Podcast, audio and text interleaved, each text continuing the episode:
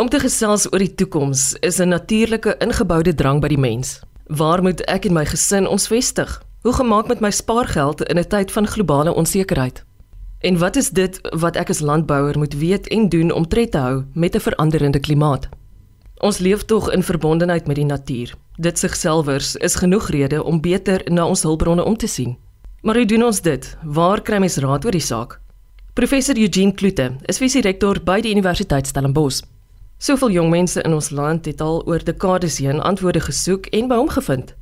Maar kom ons begin by die student van die toekoms. Sekerlik vereis klimaatsverandering 'n nuwe benadering tot landbouleer. Dit gaan die kurrikulum totaal verander. Die kurrikulum as jy gaan na universiteit toe om landbou te gaan bestudeer, gaan jou kurrikulum totaal anders lyk as wat dit op die oomblik is. Dit gaan 'n baie groter komponent hê van ingenieurswese om by al die nuwe tegnologie wat gebaseer is op elektronika tot 'n baie groot mate. Dit gaan gaan tot 'n baie groot mate oor datawetenskap oor hoe hanteer jy die data wat gegenereer word. Jy sal moet die basiese dinge verstaan van landbou uit die aard van die saak. Die so daai kursusse sal bly, hortologie en al die ander sal daar bly, dit baie belangrik. Maar dit gaan uh die kurrikulum gaan totaal en al verander. Ons werk om die waarheid te sê al reeds op die oomblik aan hoe om die kurrikulum aan te pas om ons boere voor te berei vir die toekoms. En die toekoms is op ons, né? Dis praat nie van 10 jaar van nou af nie, ons praat van van 5 jaar dan gaan dit totaal anders lyk as op die oomblik. Die Weskaapse Departement van Landbou het in Julie vanjaar hulle heel eerste jong landbouer konvensie gehad wat ook verband gehou het met klimaatsverandering. Wat is jou gevoel rondom geleenthede soos daardie? Dit is fantasties. Weet jy, ek is baie bevoorreg om daar te kon praat en daar was 'n geleentheid gewees na my kort toespraak vir vrae en wat my getref het is die die diepte van die vrae die insig van daardie jong mense. En met die teebreek daar was die die genoeg tyd om al die vrae te hanteer nie maar tydens die breek daarna het van daai klomp jong mense om my kom staan en op pad na my kar toe het van hulle saamgeloop en hulle wou meer weet en hulle wou nog meer weet en meer weet. En dit was vir my verblydend om te sien dat daar is soveel jong mense in die landbou en soveel jong mense want hulle is die generasie wat gaan moet deel met klimaatsverandering en hulle is ernstig daaroor Hulle hulle dink nie dis iets wat kom nie of gaan gebeur nie of moontlik gaan gebeur nie. Hulle besef. Ek dink wat hulle dalk 'n bietjie geskok het is die feit dat ek nie gesê die moeilikheid kom nie, maar dat die wêreld eintlik klaar in die moeilikheid is en ons nou iets moet doen om daar uit te kom. En landbou hou die sleutel vir ons om daar uit te kom.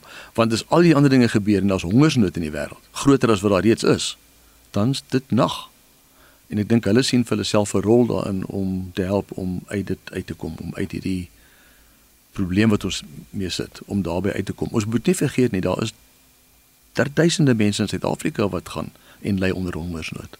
Uh en ons het 'n verantwoordelikheid om daaraan aandag te gee. Ook nie net op 'n globale skaal nie, maar ook plaaslik. Ek het 'n baie interessante gesprek gehad 'n paar maande terug met um, iemand wat onbesig met toekomsstudies.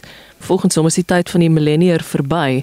Ons is nou in 'n era van die koroneer of die coronial. Daar is my tog 'n bewustheid rondom ons jong mense om verantwoordelikheid te neem vir hulle self, hulle naaste, hulle gemeenskap en die omgewing. Of dis my gevoel as as uitsaai joernalis. Wat is jou kommentaar? Nee, dit is reg. Ons sit nou, die ons studente is almal terug op die kampus byvoorbeeld. Hierdie studente wat ons nou daar het, was tog nie voorheen op die kampus gewees nie die wat daar was het klaar gemaak met hulle grade.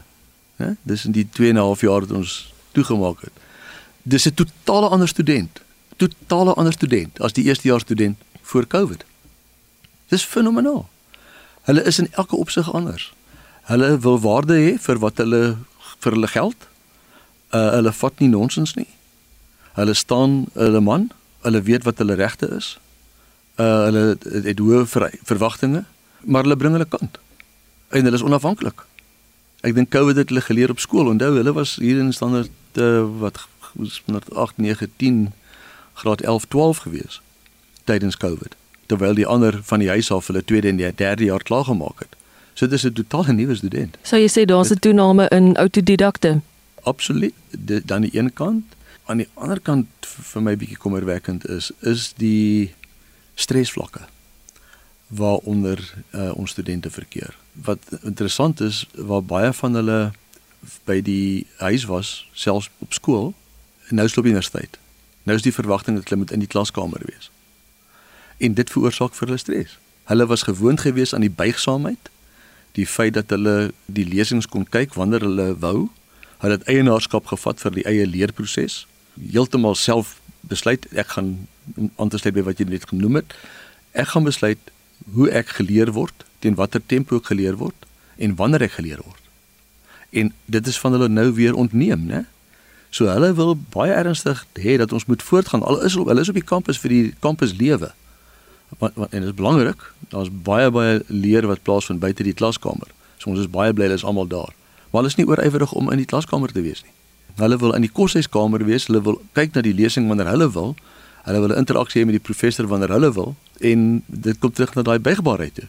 Want hulle is gewoond daaraan.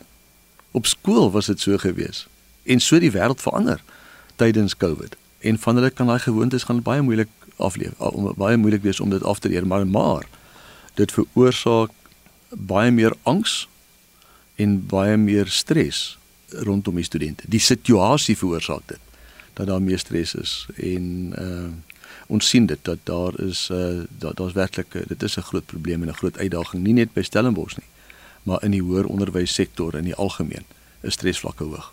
Hoe gaan ons dit aanspreek?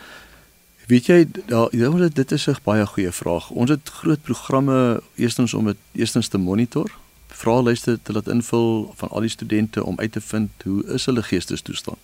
Weet as 20% van jou studente byvoorbeeld uh medikasie moet neem vir angs, dan is dit 'n probleem.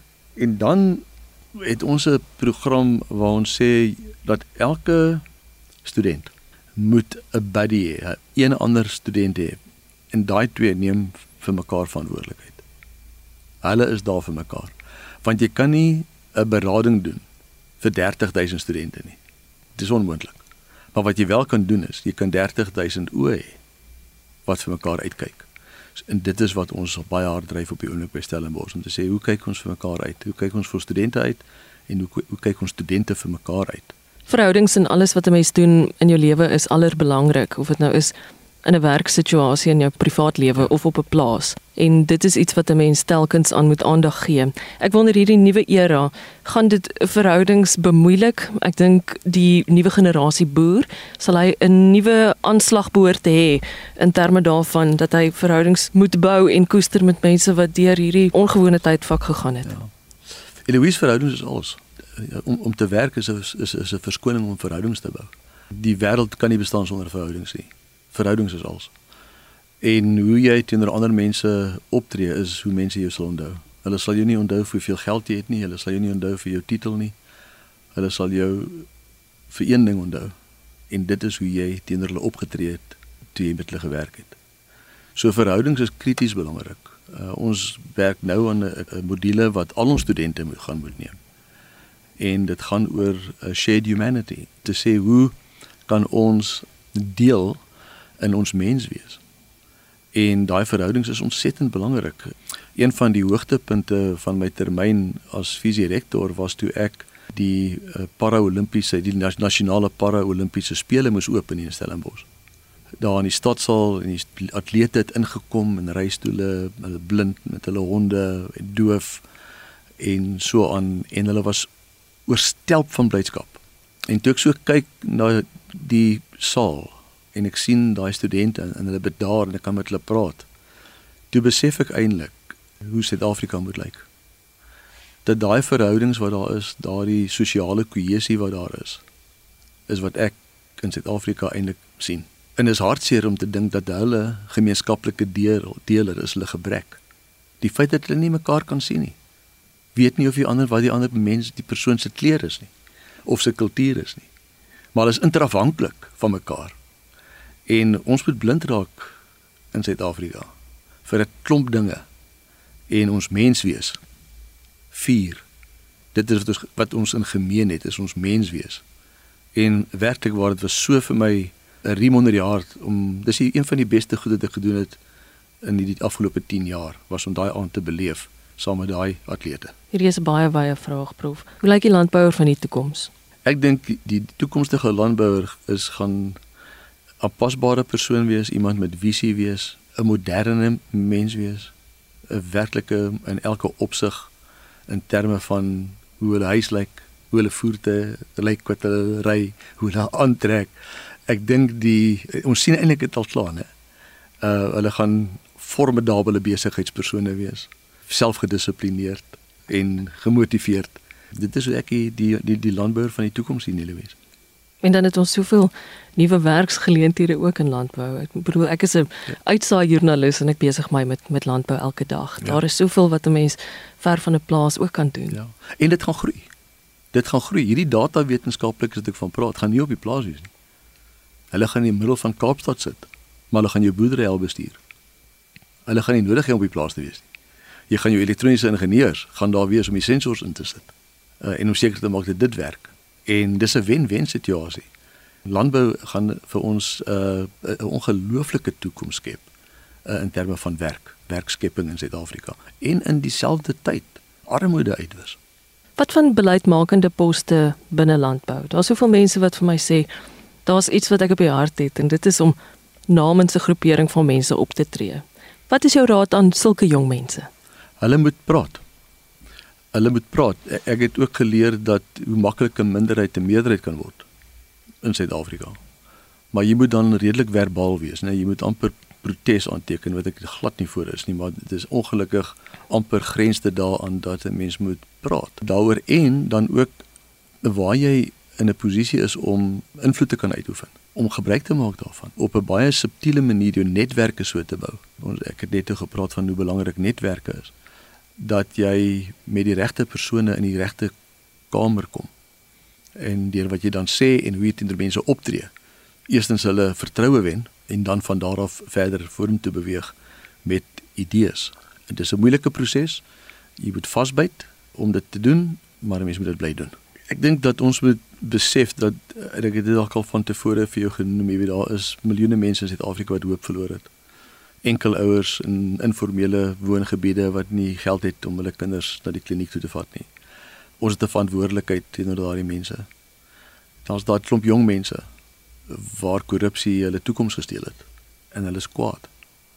Want die geleenthede is nie daar waarvoor hulle groot geword het nie en waarvoor hulle baie hard gewerk het nie. En dan is daar natuurlik ook baie mense wat nog hoop het. Maar daarvoor het jy geduld nodig op die oomblik en jy moet hard werk om seker te maak dat jy nie die hoop verloor nie. En wat ons nodig het is gerealiseerde hoop. En dit is waar ons 'n oordentlike visie het, 'n oordentlike plan het en dat ons aksie het.